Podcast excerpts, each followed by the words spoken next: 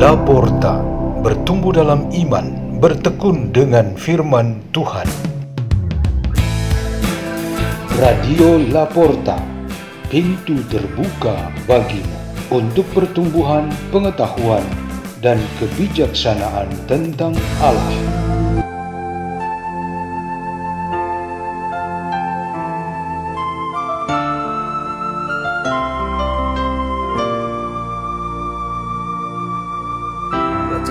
Renungan Sabda Tuhan Hari Rabu Pekan ke-9 Masa Biasa 7 Juni 2023 Dibawakan oleh Adrianus Aguntur dari komunitas Pukat Labuan Bajo, Keuskupan Ruteng, Indonesia.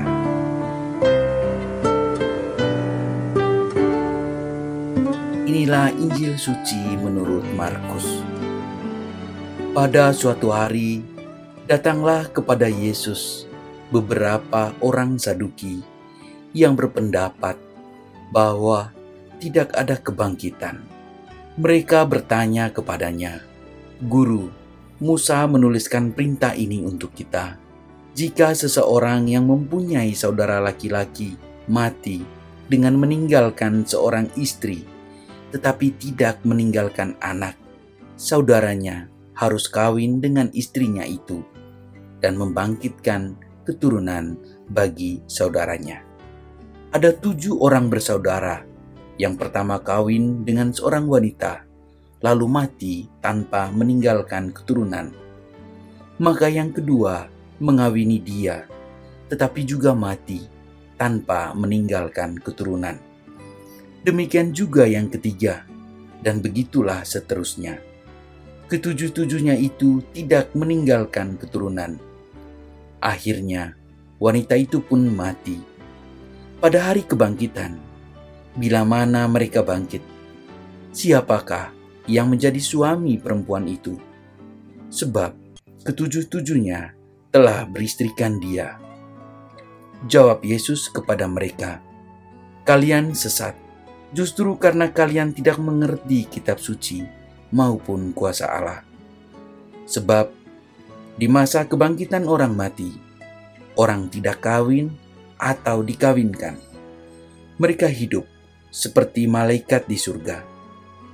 Mengenai kebangkitan orang mati, tidakkah kalian baca dalam kitab Musa, yaitu dalam cerita tentang semak beruri, bahwa Allah bersabda kepada Musa, Akulah Allah Abraham, Allah Ishak, dan Allah Yakub. Allah bukanlah Allah orang mati, melainkan Allah orang hidup. Kamu benar-benar sesat. Demikianlah sabda Tuhan.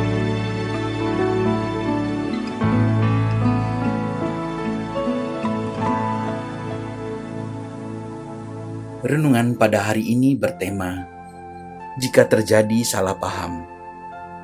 Seorang pemuda menaksir seorang gadis yang sudah ia kenal beberapa bulan lamanya. Gadis itu lebih muda 10 tahun darinya. Sang pemuda selalu menyempatkan diri untuk bertemu dengan gadis pilihannya itu. Pada suatu ketika, ia menyatakan secara langsung cintanya kepada gadis cantik itu. Pemuda itu berkata, "Saya jatuh cinta padamu. Apakah kamu dapat menerima saya?" Mengingat perbedaan usia kita 10 tahun. Selama ini saya khawatir untuk berbicara karena faktor perbedaan usia ini. Garis itu menjawab, "Tidak apa-apa, saya terima kok. Yang penting harus terpenuhi satu syaratnya." "Syarat apa?" tanya si pemuda. Syaratnya ialah kamu menunggu saja sampai usia saya sama dengan usiamu. Selama ini kita sebagai manusia di dunia ini, kita akan mengalami banyak salah paham. Cerita di atas adalah salah satu contohnya. Salah paham umumnya terjadi karena di antara kita tidak ada satu pemahaman atau pemikiran yang sama. Jika kita tidak berusaha mengatasinya, ini akan berpotensi menjadi konflik dan pemicu perpecahan di antara kita. Di dalam bacaan-bacaan hari ini, kita diingatkan untuk menghindari tiga bentuk salah paham yang juga kita alami. Kisah tentang Tobit dalam bacaan pertama hari ini menunjukkan pada salah paham orang tentang penderitaan sebagai orang beriman. Penderitaan karena Yesus jangan dianggap sebagai kutukan dan nasib yang sangat memalukan. Justru, penderitaan adalah kesempatan untuk mendapatkan rahmat dan berkat Tuhan. Salah paham yang kedua ialah pandangan bahwa kebaikan dan panggilan kudus didapatkan adalah semata-mata karena perbuatan manusia. Tuhan dipandang tidak berperan apa-apa Seharusnya ini adalah karena maksud dan kasih Tuhan Allah sendiri yang memilih dan memberikan kita martabat yang tinggi. Orang-orang Saduki salah paham bahwa nanti di dalam hidup abadi, suami istri biologis akan melanjutkan perkawinan mereka di sana. Mereka berpikir bahwa manusia hanya akan pindah alamat tempat tinggal ketika nanti memasuki kehidupan di alam baka. Yesus menegaskan bahwa mereka sungguh salah paham dan itu membuat arah hidup mereka menjadi salah. Jika terjadi salah paham, apa yang mesti kita lakukan? Hendaklah kita sadar bahwa Tuhan adalah tempat kita mendapatkan terang, nasihat, dan jalan untuk berbalik ke paham yang benar.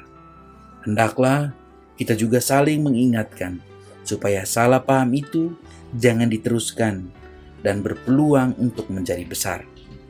Konflik sudah siap menyerang jika salah paham itu tidak dihentikan. Marilah kita berdoa. Dalam nama Bapa dan Putra dan Roh Kudus. Amin. Ya Tuhan Yesus Kristus, ajarkan kami, kuatkanlah kami untuk selalu berada dalam jalan dan paham yang benar sesuai dengan kebijaksanaanmu.